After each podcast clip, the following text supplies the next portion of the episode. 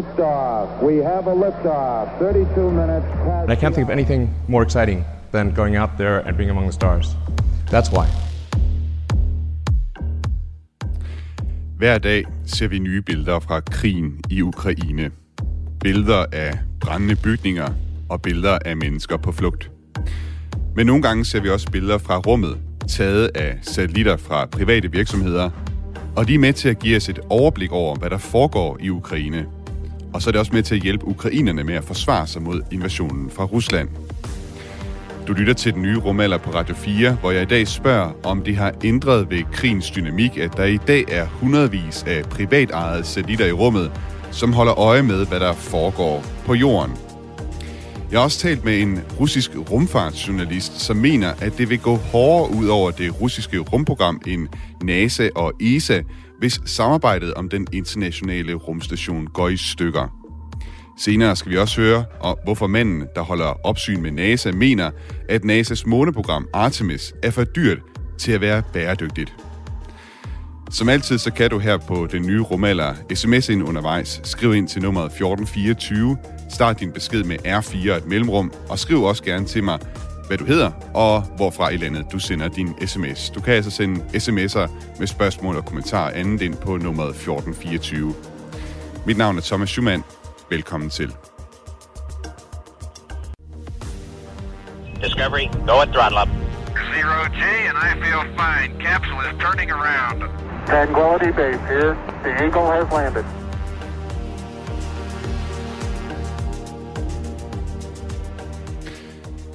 René og Christina, velkommen til den nye rumalder. Tak. Mange tak. René Fleron er projektmanager på DTU Space, og Christina Tolbo, øh, du har tidligere arbejdet hos ESA og er nu Ph.D.-studerende ved DTU Space. Og øh, som jeg fik nævnt her i mit oplæg, og som vi alle sammen nok godt ved, øh, krigen i Ukraine fortsætter, og øh, det er også noget, vi har dækket her på den øh, nye rumalder i sidste udgave. Der handlede det meget om både den internationale rumstation, hvad skal man sige, om man kan fortsætte det samarbejde med Rusland, sådan som det ser ud nu, og det handlede også om ExoMars-missionen, som altså ser ud til ikke at blive sendt op, fordi den er afhængig af både en russisk rumraket og et russisk landingsfartøj for at nå frem til Mars. Christina Tolbo her til start med, øh, hvordan fra din stol har du set krigen påvirke rumfart? Jamen, øh, det, det er jo stadig lidt sådan i skyggerne, vil jeg sige. Altså, en, en masse snak om, at hvor slemt det kunne blive, altså hvis man holder helt op med at samarbejde. Og så allerede, som du også nævner, øh, nogle helt konkrete projekter, som enten er stanset, eller i hvert fald drastisk udfordret af, at vi i de sidste 30 år har haft et øh, internationalt samarbejde med blandt andet Roskosmos og Rusland. René, hvordan øh, har det set ud for din stol? Undskyld. Ja, nå, nu fik jeg lige en tus i alt, ja. øh, jo, men jeg er selvfølgelig også bekymret over, hvad skal jeg sige, det, det, det er mangel på samarbejde. Men samtidig så vil jeg også sige, at i virkeligheden, så er der jo meget af det her øh, militære aktioner og handlinger, som er, er afhængige af, af, af rumudstyr og, øh, og rumteknologier. Så jeg er egentlig lidt forbavset over, at der ikke har været lidt mere fokus øh, i medierne på, hvad det egentlig, altså hvilken rolle de spiller. Vi hører meget om, om landtropper og, og andre militære enheder, deres bevægelser og hvad, hvad det betyder, men, men, men, men kun at Maxar til teknologi har leveret nogle billeder. Det er sådan stort set det, vi ved. ikke. Men, øh, men jeg er lidt forbavset over, at der ikke har været mere opmærksom på, på den teknologiske side af det. Så det er godt, at vi har den nye rumalder, fordi det er netop øh, det, vi skal kigge på i øh, udsendelsen øh, i dag.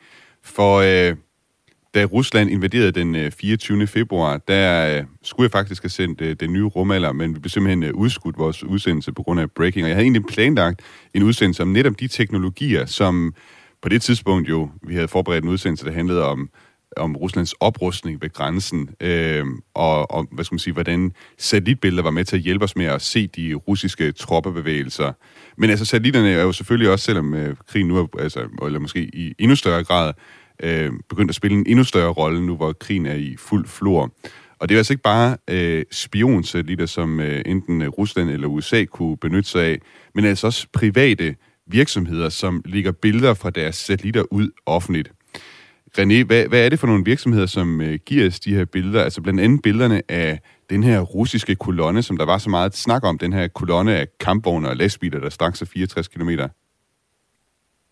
Ja, altså det, det er jo primært det billede fra det firma, der hedder Maxar-teknologi, som er, som er kommet op på radaren, men øh, der findes jo masser af, af hvad hedder det, leverandører, som kan se ned på jorden og fortælle os øh, om alt muligt, lige fra hvedemarker og romarker til, til kampvogne og, og lastbiler eller, eller vandstandsstigninger og den slags.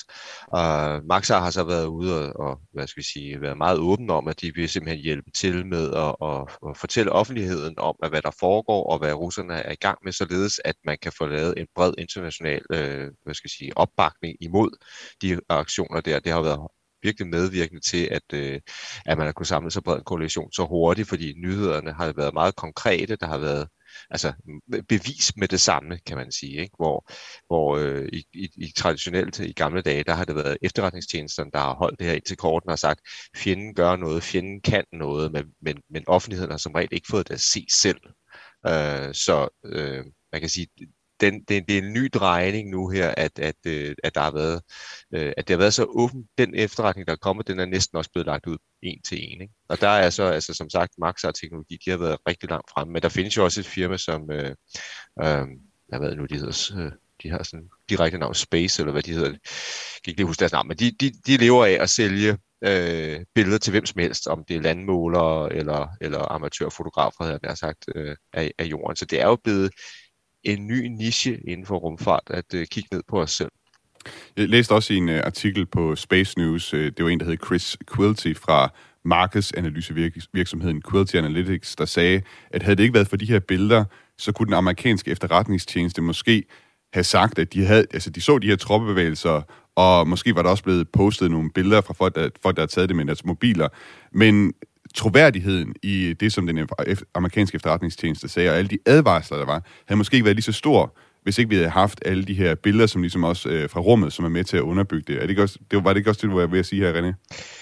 Jo, altså øh, en af de ting, som der er blevet sagt rosende om, om hvad hedder Joe Bidens indsats i den her forbindelse, har jo været, at han har været i stand til at samle rigtig mange øh, af, af vestens lande med det samme, og de er gået med og sagt, det er også rigtigt, nu skal vi have gjort noget og lavet sanktioner osv. Og, og det er jo formentlig fordi, at befolkningerne i de forskellige lande har kunne se med egne øjne, hvor galt det stod til. Øh, og det er jo, altså, øh, der er jo sådan et amerikansk udtryk, der hedder, eller engelsk udtryk, der hedder seeing is believing, ikke? Altså, øh, du kan jo se her på billedet, at de står lige her, ikke? Øh, hvor i gamle dage, der har det mere været sådan, med, øh, det er confidential, det vil vi ikke afsløre, det vil vi ikke vise dig, og den slags. Men sådan er det jo ikke mere, Øh, og det er jo nok også, fordi der er så mange kommersielle virksomheder, som vidderligt kan tage billeder af jorden og, og sælge dem til hvem som helst, at det måske er blevet mere, jamen selvfølgelig har vi da, selvfølgelig kan vi da se, hvad vi har lyst til at se. Mm. Også det forhold, at øh, amerikanerne typisk ikke er glade for at offentliggøre deres egne billeder fra spionsatellitter, fordi det også ligesom vil afsløre, hvad det er, de er i stand til at se. Øh, Christina Tolbo, øh, hvad er det for en udvikling, der har været, siden at vi altså nu har hundredvis af private satellitter, som kan tage den her slags billeder og lægge dem ud offentligt? Jamen, jeg vil sige, at der er primært to udviklinger. Øh, en billigere adgang til rummet, altså at der findes flere udbydere af launchers, så man kan sende sine øh, satellitter op med forskellige udbydere fra forskellige lande i forskellige kredsløb. Og så også et større efterspørgsel på de produkter, der kommer fra de her satellitter, hvor før der var det måske kun supermagterne, eller dem, der du var i krig, som havde brug for de her øh, billeder. Og nu er det sådan set øh, alle, som øh, René også nævner, så bruger man jo øh, jordobserverende satellitter til, til meget andet end øh, militær intelligens, men også ja, til at se, hvornår man skal høste og sådan noget. Så der er øh, tusindvis af satellitter med det eneste formål at kigge, kigge ned, og nu kan man altså også tjene rigtig gode penge på at sælge den data, hvis den har høj nok kvalitet. Det er de to ting, jeg vil sige, der er det største. Og, og hvor, ny er, hvor, ny, hvor ny er den her udvikling? Er det noget, vi har set inden for de seneste øh, 10 eller 15 år? Ja, altså især det her med launchers, øh, altså adgangen til rummet, den bliver billigere og billigere, især med øh, altså SpaceX's fremkommen, for eksempel også andre virksomheder, som har kunne bygge nogle, nogle, øh, nogle raketter, der, der er tilpasset lidt bedre til, til, hvad forskellige kunder har brug for. Hvor før har man bygget sådan en one-off øh, fordi man skulle kun sende en mission afsted, fordi den skulle kun en gang til Jupiter for eksempel. Det er også det stadig, som NASA og ESA ligesom laver, altså grundforskning. Øh, men ja, så jeg vil, ja, inden for de sidste 15-20 år øh, er der i hvert fald en accelereret, måske nærmest eksponentiel vækst i det. Altså den har været undervejs siden rumalderen startede, men, men eksponentielt går jo, som eksponentielt går, kan man sige, bliver vildere og vildere. René, jeg ved ikke, om du har en. Øh, kommentar, du vil knytte til det også? Jo, det har jeg lidt, fordi faktisk, altså det er lidt pudsigt, altså jeg, jeg, jeg kan godt næsten sætte dato på, hvornår det startede, udover det, at, jeg har, at Christina har ret i, at selvfølgelig at det startede lige siden, at vi kunne sende raketter op, sammen, begynder at tænke drømme, ikke? Med Jules Verne, der ville til månen og så videre. Men, øh, men, men det startede faktisk i 1999 eller 2000, da, jeg, jeg kan ikke huske, om det var start 1, 2 eller 3 aftale mellem USA og, og, og, og det daværende Sovjetunionen og efterfølgende Rusland om, at nu skulle vi også af med alle de der atommissiler, vi skulle reducere øh, væs, væsentligt i vores arsenal. Og der lavede russerne så en aftale med amerikanerne, at det var godt nok, hvis de bare tog bomben ud af raketten, men, men de behøvede ikke at smide raketten ud. Og så havde de pludselig et hav af brugte raketter, og så fandt de ud af, at dem kunne de jo da sælge til satellitopsendelser. Øh, og lige pludselig var det faktisk, øh, altså det var selvfølgelig stadigvæk one-offs, men, men altså, alternativet var at smide dem på skrotpladsen. Så kunne man da lige så godt sælge dem billigt. Uh, og så pludselig kostede det øh, 50.000 dollars, eller jeg tror endda 40.000 dollars i starten, at sende et kilo i rummet. Og det var simpelthen bare gamle russiske missiler, så de første CubeSats, de blev sendt op med sådan nogle øh, SS-19-missiler, der hvor bomben var fjernet. Så man kan sige, at øh, det er russernes øh, egne gamle atommissiler, der er sendt satellitter i rummet, som nu viser de russiske troppebevægelser i Ukraine.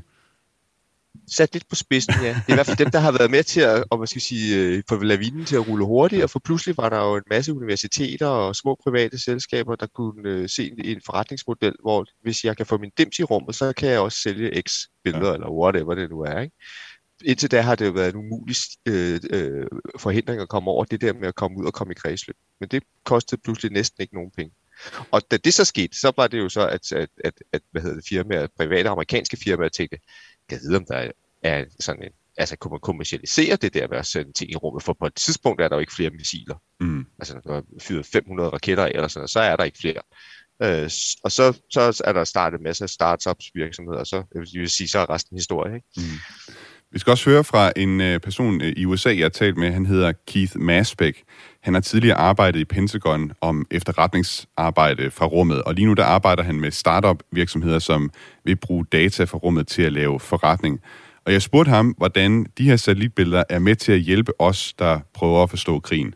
where governments might have had the opportunity in the past to spin, where Vladimir Putin might have had the opportunity to describe how things were unfolding, to talk about the remarkable successes of his forces and how surgical they were being and how careful they were being and how they were being welcomed by the Ukrainian populace.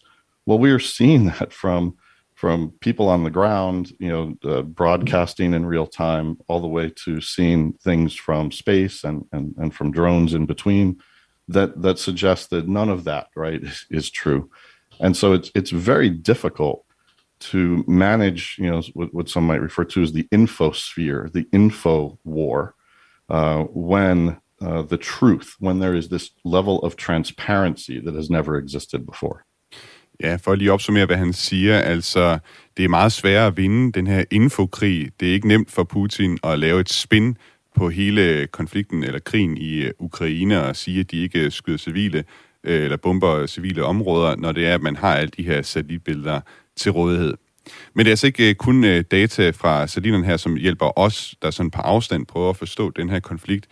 Den ukrainske IT-minister Mikhailo Fedorov, han har også bedt virksomhederne dele deres data, så de kan bruge det i forsvaret mod russerne. Og jeg spurgte Keith Masbeck, hvordan det kan hjælpe ukrainerne på stavmarken.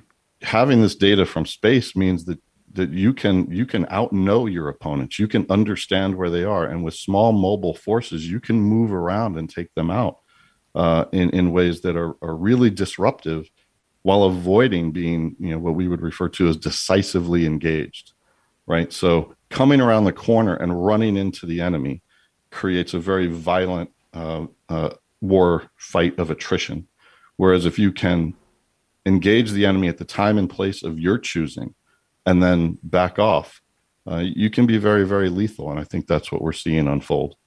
Ja, han siger altså, at informationerne giver mulighed for, at man kan outknow, altså udkonkurrere sine modstandere på viden. Altså, og jeg, jeg tænker også, øh, at man kan sige, øh, altså han, man kan simpelthen udkonkurrere, udkonkurrere, udkonkurrere undskyld, dem her.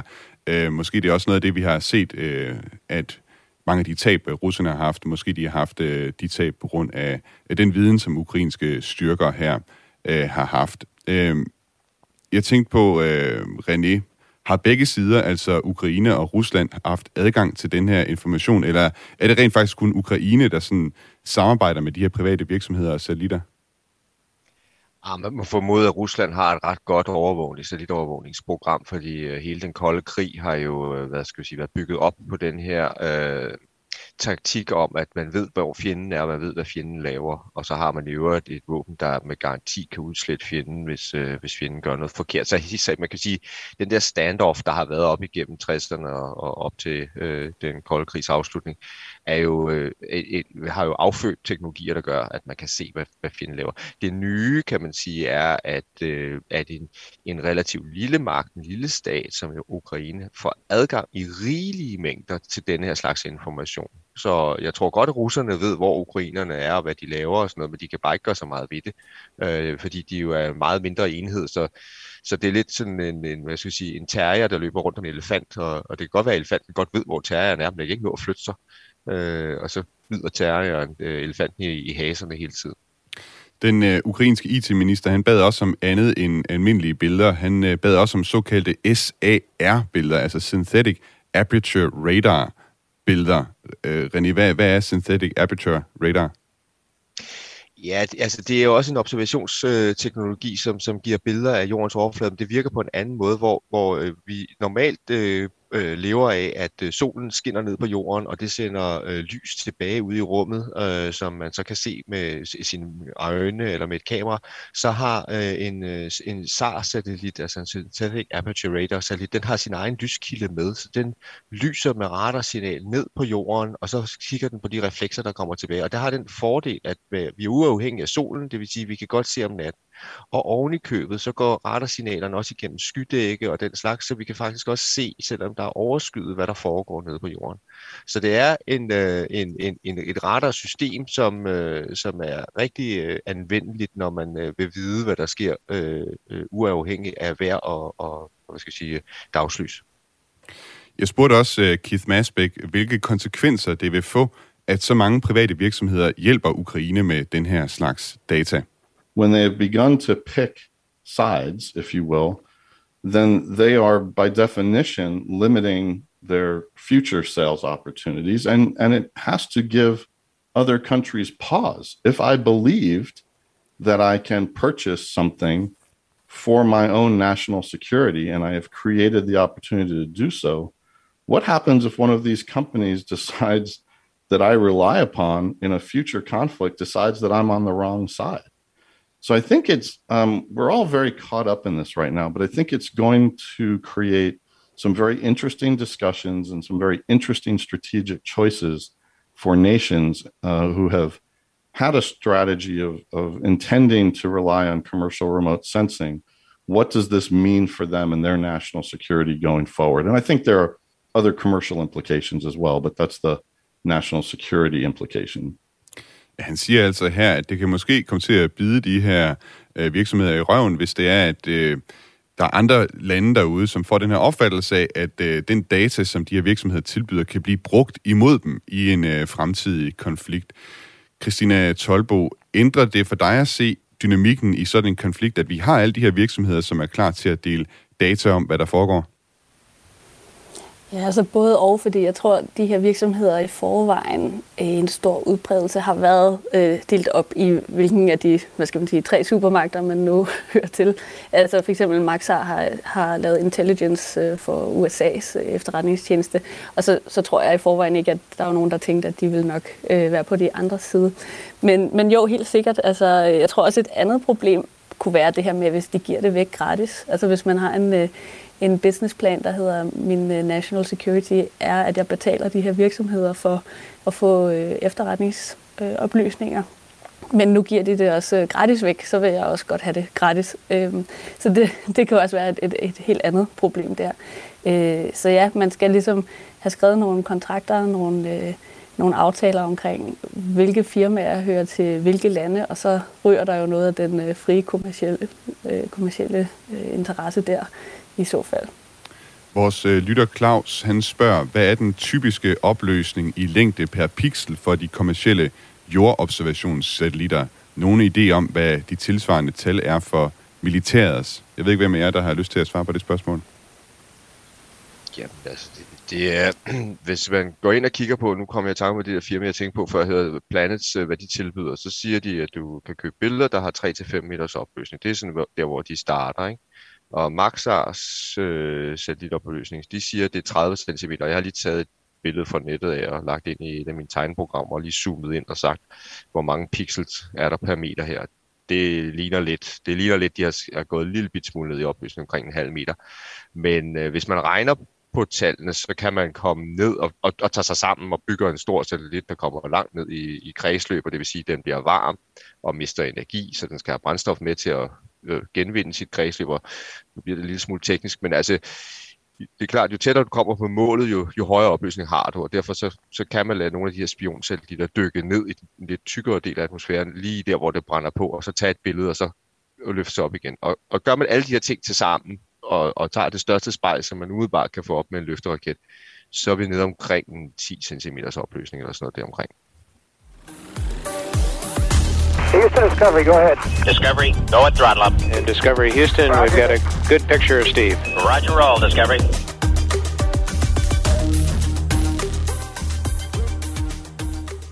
En anden historie, der også relaterer sig til rumteknologi i den her konflikt, er en artikel, jeg fandt på øh, internetmediet Space News, som skriver om, at den amerikanske virksomhed Hawkeye 360 op til invasionen den 24. februar registrerede en forværing af GPS-signalet, altså det signal, som vi har alle sammen i vores øh, telefoner, som hjælper os med at finde vej rundt i verden.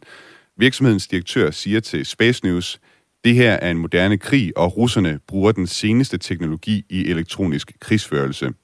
Hawkeye 360, det er altså en virksomhed, som har satellitter i rummet, som overvåger radiosignaler. De har altså kunne opspore forsøg på at forstyrre GPS-signalet. Fordi verden er så afhængig af GPS, så benytter herrer rundt om, sig i verden, øh, rundt om i verden sig, eller også narkokarteller, de benytter sig af teknologi, der kan forstyrre det her GPS-signal. René Fleuron, hvordan forstyrrer man et GPS-signal? Ja, der er grundlæggende to metoder at gøre det på. Den ene, altså vi skal lige forstå måske, hvordan GPS virker. GPS det virker ved, at alle satellitterne sådan set bare siger, hvad klokken er. Og det lyder jo meget øh, øh, forsimplet, og hvordan kan det så blive til en position? Og det kan det ved, at lys udbevæger, udbreder sig med en fast hastighed. Øh, når vi er kredsløb omkring jorden, så skal vi lige tage højde for nogle relativitetseffekter, øh, men, men hvis vi ser bort fra det et kort øjeblik, så øh, siger satellitterne alle sammen på samme tid, hvad klokken er. Og øh, der, hvor man så står og lytter, der hører man så, at satellit A siger, at klokken er X, og satellit B siger, at klokken er Y, og så kan man regne baglæns og så sige, om okay, øh, vi ved, at de sagde det på samme tidspunkt, men øh, jeg kan se på mit ur, at klokken i virkeligheden er sådan og sådan. Så satellit X, det er x antal sekunder siden, at den sagde noget, og satellit Y, det er så så mange sekunder siden, den sagde noget. Ergo må de være, hvis man så tager lysets hastigheder og øh, øh, dividerer, så finder man ud af, hvor langt væk er så satellit X og, og Y. Og når man har tilpas mange satellitter og deres afstand, så kan man tegne i virkeligheden nogle kugleskaller, men det er måske nemmere at forestille sig som lytter, at det er nogle cirkler på et papir med en passer, og der hvor cirklerne så krydser hinanden, det er så der, hvor man selv er. Så det er sådan, at, at, at øh, hvad skal jeg sige, teknologien virker med GPS. Og hvis man så skal snyde det system, så kan man jo gøre to ting. Enten så kan man simpelthen sende en radiosender, der råber så højt, at ingen kan høre noget. Øh, og det, det er en meget brutal metode at gøre det på. Så man sender simpelthen bare støj på den øh, frekvens, hvor satellitterne øh, sender deres signal. De er allerede kodet, så det, altså, der skal ret meget til, for at det ikke fungerer, fordi øh, øh der det er allerede svage signaler, så man er allerede godt klar over, at der er støj i forvejen.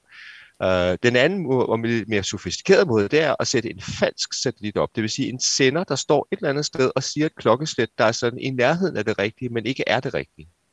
Fordi så kan det faktisk blive mere eller mindre vanskeligt at finde ud af. Hvis, hvis du kigger på din GPS, så siger jeg ved, jeg er øh, på Sjælland et eller andet sted, men hvor? Og den så siger du, at, at, når du er på Island, så er du godt klar over, at den er gal. Men hvis den siger, jamen du er i Nordsjælland, mm, og du troede, du var sådan i, på Midtjylland, så kan det godt være, at du bliver snydt. Mm. Så, så man kan justere på det der, hvad skal vi sige, spoofing ved ja. at justere på, hvor meget, hvor stor en fejl man inducerer i systemet.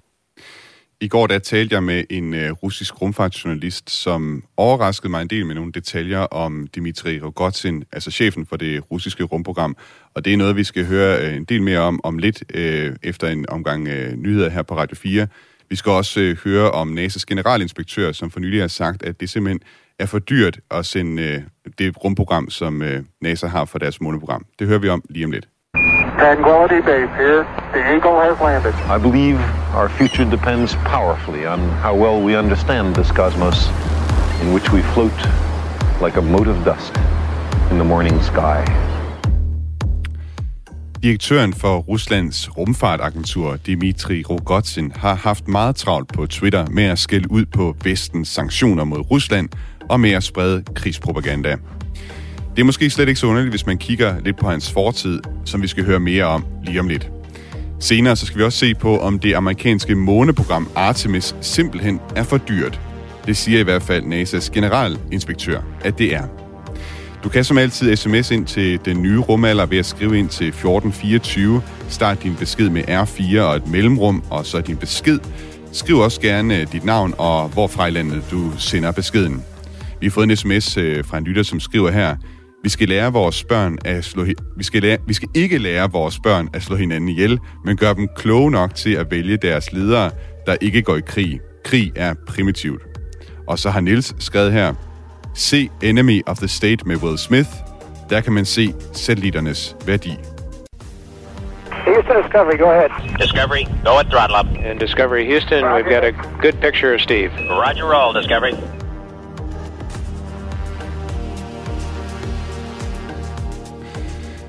Med mig i øh, dagens udsendelse af det nye rumalder, der har jeg René Fleron, der er projektmanager på DTU Space, og jeg har også Christina Tolbo, som er phd studerende ved DTU Space. Og øh, Christina, da vi talte sammen før udsendelsen, der talte du, eller der fortalte du mig, at øh, vi måske er på vej ind i en ny epoke af rumfarten med krigen i Ukraine. Kan du ikke prøve at forklare mig, hvad, hvad mener du med det? Jo, altså vi var også i forvejen på vej ind i en ny epoke, så man kan sige, at vi måske ved at definere helt præcis, hvad den her nye epoke skal være omfattet af. Altså man, man snakker om, at der har været eller er øh, fire forskellige epoker, hvor man kan kalde den første for astronomiens epoke, og det er altså den, hvor vi slet ikke havde adgang til rummet, men bare i går så en lærer ved at kigge derud.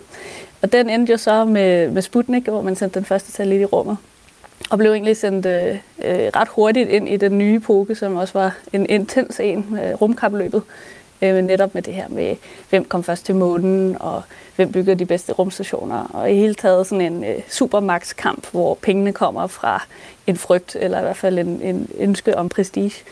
Og så over i en, øh, en tredje epoke, som er den, som jeg voksede op i i de sidste, jeg er 30 år gammel, så 30 år, en samarbejdsepoke, hvor for eksempel Rusland og USA har arbejdet sammen i rummet, også med Europa og Kanada og Japan. Måske med et ret stort øh, mangel der i forhold til for eksempel Kina og Indien, men de er så også først kommet op i gear på rumfarten i de senere år. Og så har vi egentlig stået her i, i nogle år efterhånden på det, man kan kalde dørtasklen til øh, New Space eller epoke 4 som indtil krigen i Ukraine øh, mest, i hvert fald i min optik, drejede sig om det her med adgang til rummet, kommercialisering af rummet, og en øh, overgang fra, at ESA og NASA står for at bygge alting selv, til at, øh, at øh, lave sådan nogle udbud, øh, ligesom øh, en statslig organisation.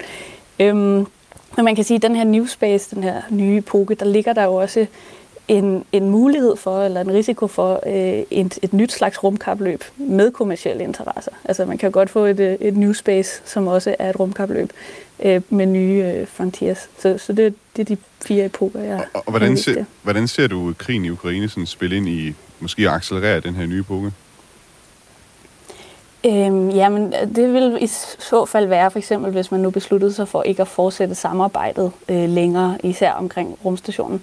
Øh, det har jeg så vidt jeg har hørt ikke sket endnu i hvert fald, at de fortsætter øh, som hidtil. Men hvis man nu forestillede sig en, en, en større opdeling i rummet med, hvem man kan samarbejde med, for eksempel USA og Kina vil slet ikke øh, samarbejde heller, så, så, øh, så får man jo at man skal bygge tre rumstationer, man skal bygge tre måneprogrammer, man skal have øh, tre forskellige astronaut-kors, øh, og så kommer der så firmaer fra de forskellige lande ind i billedet også, især i, i USA's øh, regi, fordi det er mest dem, der kører den kommercielle øh, approach. Øhm, så, så der er virkelig en, en mulighed for, at vi kommer mere hen i sådan noget Space Force-agtigt noget, hvor det bliver også et, et større... Øh, ja, krigs, ikke apparat, men altså mere end bare øh, overvågningssatellitter. Måske også sådan noget med at ja, skyde hinanden satellitter ned i værste tilfælde, eller i den retning, noget i den retning, ja. René Fleron, øh, hvordan ser du på det, at, at du er enig i, at vi måske går ind i en tid her, som altså, måske kan minde lidt om et rumkapløb, altså hvor der er flere spillere på banen, som kører hver deres øh, programmer øh, sideløbende, der er ikke lige så meget samarbejde, som vi har været vant til tidligere? Ja, altså, øh, der er to sider af den mønt der. For det første, så, så tror jeg, det er rigtigt, som, som Christina siger, at der er en risiko for, at det nu bliver et, et, et alle mod alle program, og det, det tror jeg vil ske under alle omstændigheder, fordi vi, vi er afhængige af GPS-satellitter til at føre krig, vi er afhængige af overvågningsspionsatellitter til at føre krig, og vi er afhængige af værsatellitter til at føre krig. Og hvis øh, fjenden ikke har de muligheder, så har vi en fordel i forhold til fjenden. Så, så det, det, det er ret åbenlyst at se for mig, at, vi, at, at der vil i hvert fald være sådan en, jeg skal også have sådan en, og du, og du må ikke låne min agtig holdning mm. til, til de basale hvad skal jeg sige, rumteknologier. Og, og derfor har både kineserne og amerikanerne og russerne jo også udviklet antisatellitvåben, som er et forfærdeligt ting, hvor de smadrer satellitterne i lav jordbane, hvilket jo, kan man sige, på den korte bane er, er, er, er en fordel for dem, men på den lange bane er jo en, en en ulempe, for så kan vi ikke, nogen, så er der ingen, der kan komme i rummet mere, fordi vi kan ikke komme igennem den sky af vrag og rester, det danner. Uh, øh, så det, det er den ene vej af det, og det, der, jeg tror, der vil ske en naturlig militarisering af rummet, det kan vi slet ikke undgå, altså sådan er mennesker indrettet. Um, men, men samtidig så er der jo også den her new space, som er den kommercielle vej, og i virkeligheden så kan vi jo bare håbe på, at demokratier rundt omkring i verden vil sejre, fordi så er der jo ikke nogen, vi behøver at slås med i rummet, og så kan det jo for alvor blive, så vi så vil for alvor arbejde sammen om at tage til månen og til Mars, hvor vi ellers gerne vil hen. Jeg synes i hvert fald, øh, en ting, vi har set her med, med krigen i Ukraine, det er, at vi har set en helt ny side måske, eller måske er der andre, der har været bedre til at gennemskue det end mig, men for mig er det i hvert fald blevet tydeligt, øh, hvordan, hvilken type øh, Dmitri Rogotin, altså direktøren for det russiske rumprogram, han er. Øh, det talte vi også lidt om i den seneste udgave af den nye rumalder. Der har han været meget, øh, han har været meget højlydt på Twitter på det seneste. Han har spredt krigspropaganda, han har fjernet øh, flag fra Vesten på en Soyuz-raket, der stod over i Baikonur. Han har malet det her, eller han har bedt sin øh, tekniker om at male det her sæt på det lokomotiv, som transporterer Soyuz-raketten, altså det samme sæt, som der er malet på de russiske kampvogne over i Ukraine. Øh, Christine Tolbo, øh, hvor godt kender du øh, direktøren, eller godt vil du sige, at du kender direktøren for det russiske rumprogram, Dimitri Rogotin? Ja, det må jeg nu nok indrømme, at jeg kender ham ret dårligt. Øh, det nærmeste, jeg har været med, med Roskosmos, det var øh, en konference i Rusland faktisk sidste år. Øh, og der, der var der jo fred og fordragelighed, har jeg lyst til at kalde mm. det. Altså netop det, at man overhovedet kunne tage til en konference i Rusland. Og der var der jo et ønske om, at vi skulle lave projekter sammen. Så jeg vil også sige, at det er en øh, hurtig øh, ødelæggelse af rigtig mange års arbejde for samarbejde, som altså virkelig 30 år i hvert fald øh, mere siden den kolde krig på at få de her to øh, stormagter til at være sammen i rummet, som, som hurtigt går i, til skade på Twitter, vil man kalde det. René Fleuron, hvad med dig? Hvor, hvor godt vil du sige, du kendte, eller kender Dimitri Rogotin? Øh, jeg kender Roskosmos, men ikke lige deres chef før nu. Øh, og det er jo også sjovt, øh, hvis I, det, det har undret mig i lang tid, at både politikere og andre magthavere har haft den her behov for at gå ud og tale til minimand gennem Twitter og andre sociale medier, som om, at vi kender hinanden, og vi er bodybodies, der drikker en øl nede på caféen. Og nu skal du i øvrigt høre her, ham der, øh, øh, Scott Kelly, han er virkelig fæ, og NASA's øh, programmer, de er dumme, og ISS styrer der ned i hovedet på os, og nu melder vi deres flag over, og så sidder man der og tænker bagefter, hvorfor har du behov for at sige det til os? Altså, mm. hvad er dit mål med det her? Øh, du er leder af en stor rumorganisation. Skulle du ikke bare passe dit arbejde? Jeg bliver, jeg bliver sådan lidt forbavset over det. Ja. Det virker sådan lidt barnligt, vil man nok sige.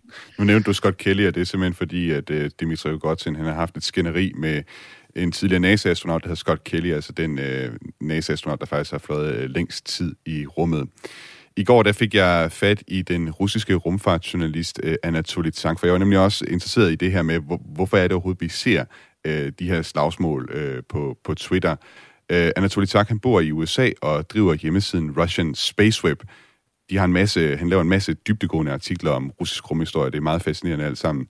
Og jeg spurgte ham altså, hvorfor Dimitri Rogotin er så investeret i den her krig i Ukraine. Well, first of all, it, it goes back to Rogozin's origin as, uh, as a politician. Uh, he comes from uh, extreme nationalist party. So this is kind of in his DNA uh, to, um, to be this militant um, anti-West and anti um, uh, this nationalism propaganda is totally natural for him because of again of his political um, political affiliations in the past.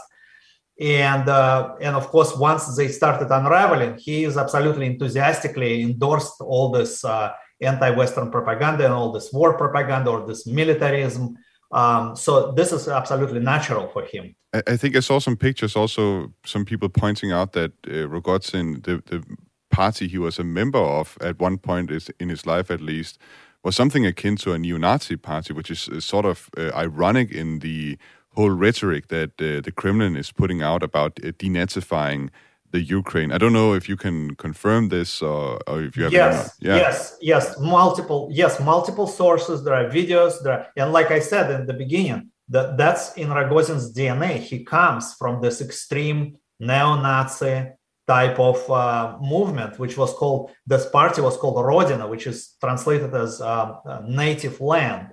So it's um, you, you, can see the all the all the symbolism and the red this anti-immigrant rhetoric of this party, and he was one of the leaders of it. Um, so so absolutely, his roots, his political roots, in in an, essentially in a neo-Nazi movement. Ja, det Anatoly Tsak, han siger her, det er, altså, grunden til, at Dimitri Rogozin er så investeret i den her konflikt, det er simpelthen, fordi han tidligere politiker, han har været minister under Putin, øh, han stammer fra den her samme, øh, hvad skal man sige, højrefløj i øh, Rusland. Øh, ja, faktisk så har han været leder af et øh, nynazistisk øh, parti, øh, hvilket det overraskede mig ret meget at, at finde ud af. Øh, Christina Tolbo, det er jo vildt at tænke på, at Vesten har samarbejdet, eller faktisk stadig samarbejder, med en tidligere leder af et øh, nynazistisk øh, parti. For dig at se i dine øjne, din helt egen personlige mening, kan det her samarbejde så fortsætte? Ja, det tror jeg faktisk godt, det kan. Altså fordi øh, USA og Rusland har samarbejdet siden øh, 70'erne i hvert fald, hvor at man heller ikke kan sige, at der var særlig stor enighed om hverken, hverken ideologi eller hvem man måtte gå i krig med. Øh, og jeg tror faktisk, at hvis man kan formå at samarbejde, øh, Øh, så kan man forsinke eller nedskalere den her militarisering af rummet. Øh, og det er helt øh, egoistiske årsager, kunne jeg godt tænke mig, at det fortsat med at være øh, hyggeligt ude i rummet, skulle jeg kalde det, og ikke så, så troende. Øh, så, så ja, altså, det tror jeg godt, man kan, øh, så længe der ikke er, er, yderligere eskaleringer i den her krig. Mm. René Fleron, hvad, hvad tænker du? Vi samarbejder med en, en øh, direktør for det russiske rumprogram, som tidligere har været leder af et øh, nynazistisk parti. Kan det fortsætte, det samarbejde? Det, skal, ja, det kan jeg jo ikke rigtig bestemme, om det kan eller ej, men jeg vil også sige, sige som Christina siger, altså, det er jo meget vigtigt, vi skal jo huske to ting. For det første, så er øh, samtale og samarbejde jo altså vejen frem til fred. Og for det andet, så er der jo en anden side af den her konflikt i Ukraine. På et eller andet tidspunkt, så stopper den jo på den ene eller på den anden måde. Og så er der jo masser af russere, som jo er, er, er hvad skal vi sige, taget til gissel i denne her, øh, og står på den forkerte side af hegnet, som, som ikke har lyst til at, at, at være parttager der, og de skal jo også have en mulighed og en vej ud. At der så i øjeblikket sidder en leder af Roskosmos, som vi er dybt uenige med, det, det, ja, det, det er selvfølgelig ikke godt, øh, og der, der må man så handle ud for det. Men det er jo, det er jo kan man sige, heldigvis øh, øh, ikke et problem på vores skuldre, men, men nogen højere op i systemet, der, der håndterer den krise. Øh, og så, altså, hele ideen om at arbejde sammen i, i rummet var jo også et fredsprojekt. Altså, da man blev udsluttet for at lave ISS, så er det jo et fredsprojekt. Øh, mm og, og, og, og det synes jeg også, man skal, man skal huske. Jeg, jeg er stærk, stærk modstander af krigen i Ukraine, og, og det er slet ikke det. Men, men altså, jeg er også endnu, jeg er endnu stærkere modstander af 3. verdenskrig, så, mm. så jeg synes, vi skal, vi skal huske på, at det handler altså om at dreje til venstre ned mod fred, og ikke til højre op mod, mod mere krig. Vi har en lytter, der hedder Tommy, der skrev ind. Han skrev, jeg var erhvervsfisker i 1995 til 1998 under en af golfkrigene. Vi oplevede, at GPS'en påstod, at vi sejlede 1500 knop i timen. GPS'en, øh, GPS'en havde flyttet skibet fra midt i Nordsøen til midt i Atlanterhavet. Husker det som om det varede 15-20 minutter, før GPS'en passede igen. Øh, så det kan man sige, det var i hvert fald et tidligere eksempel på, at der også har været forstyrrelse af GPS-signalet, som Tommy her har oplevet. Så har han lytter skrevet, kan satellitter ikke optage billeder fra Ukraine af de russiske styrker med mulighed for at se ansigterne?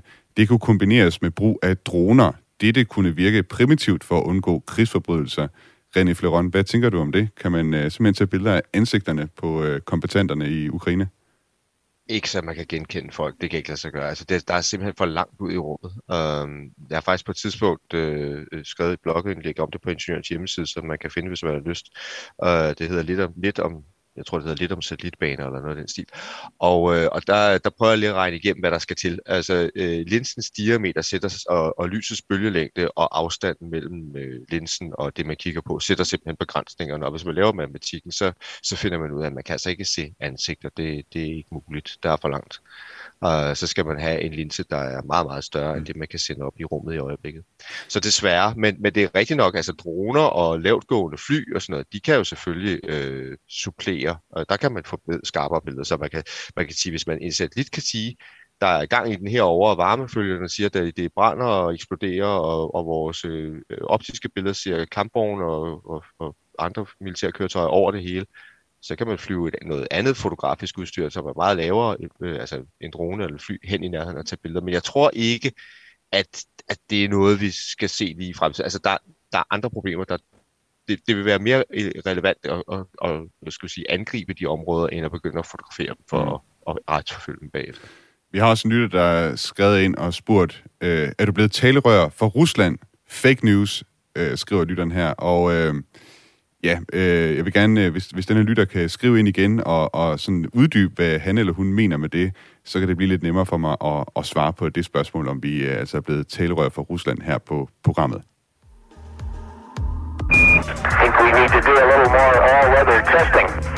Amen.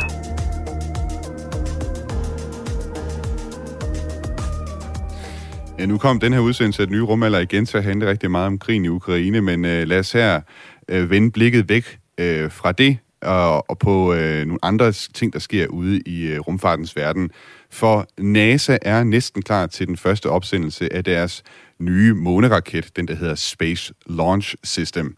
Og på toppen af den her raket, der skal der så også sidde en kapsel, Orion-kapslen. Og når jeg nu siger, at det er en ny raket og en ny kapsel, så er det ikke helt rigtigt. Altså det er både en raket og en kapsel, der har været under udvikling siden nullerne. Men altså det er nyt, at de er ved at være på vej til affyringsrampen. Og den her udvikling af raketten og kapslen, det har været en rigtig dyr fornøjelse for NASA. Tirsdag var der indkaldt til høring i den amerikanske kongres om NASA's måneprogram Artemis. Og her havde politikerne inviteret Paul Martin. Han er NASA's generalinspektør. Man kan sige, at han er en slags uafhængig vagthund, der ligesom holder øje med NASA's aktiviteter og hvordan de bruger de amerikanske skattedollars. Og Paul Martin havde ikke særlig pæne ting at sige om, hvordan det står til med måden NASA bruger pengene på Artemis-programmet. We estimate NASA will spend 53 billion dollars on Artemis from 2021 to 2025. Moreover, we found that the first four Artemis missions will each cost 4.1 billion dollars per launch, a price tag that strikes us as unsustainable. Ja, jeg prøver lige at omregne her til danske kroner, hvad det er for beløb, øh, Paul Martin her, han taler om. Han siger, at det vil koste 634 milliarder kroner øh, at køre det her Artemis-program fra 2021 og frem til 2025.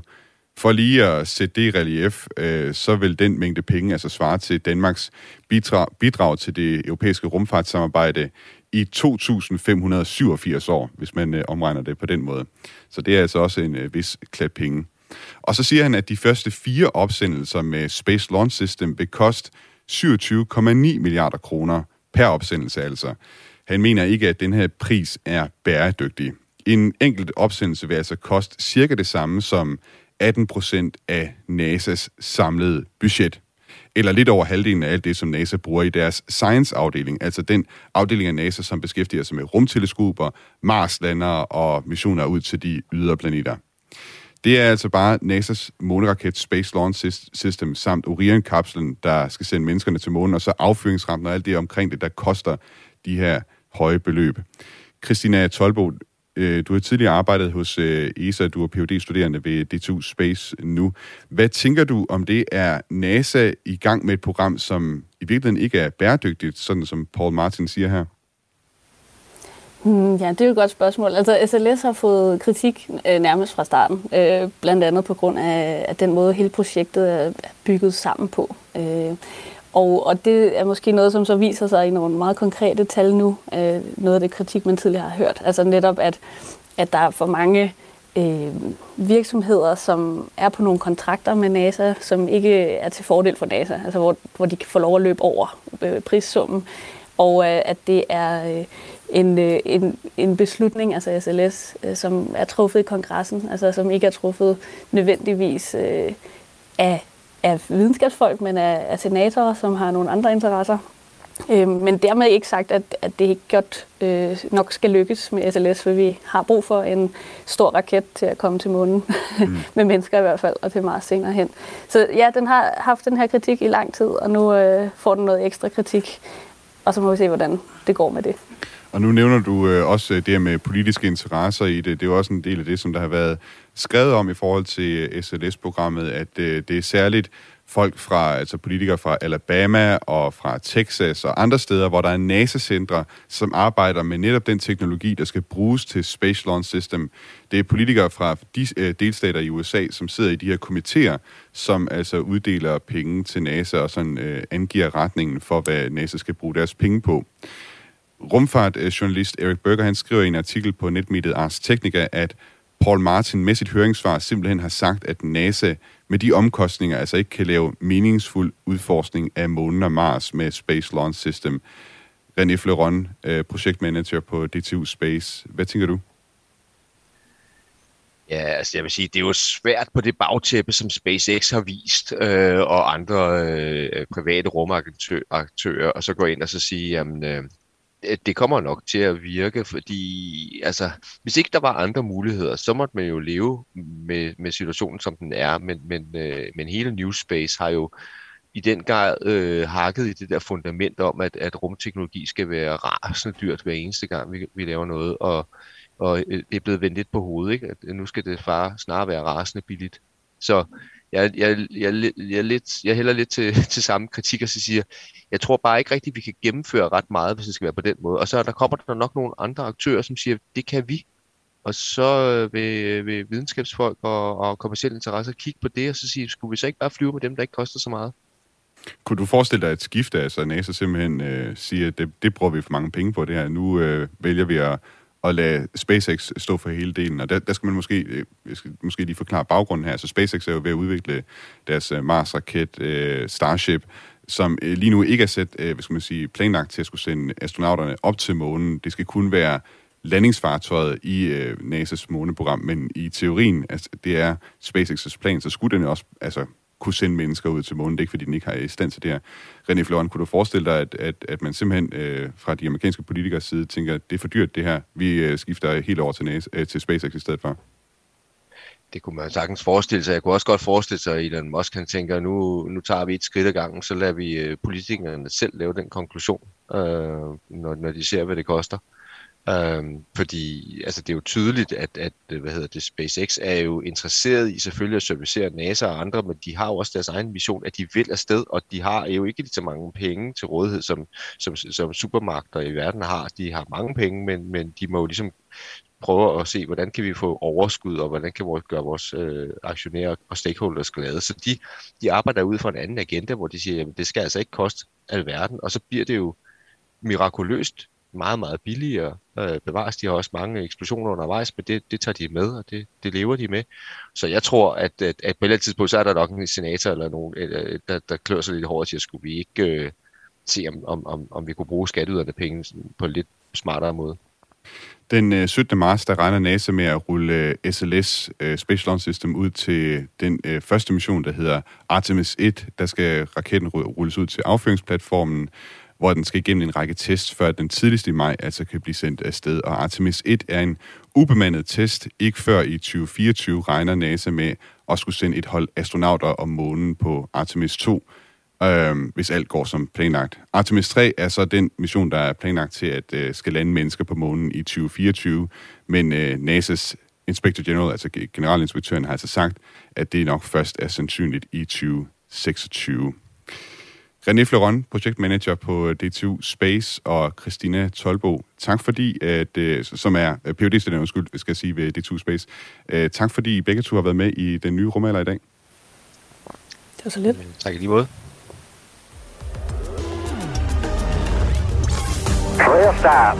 Roger, we'll stop Discovery. Welcome back. A great ending to the new beginning.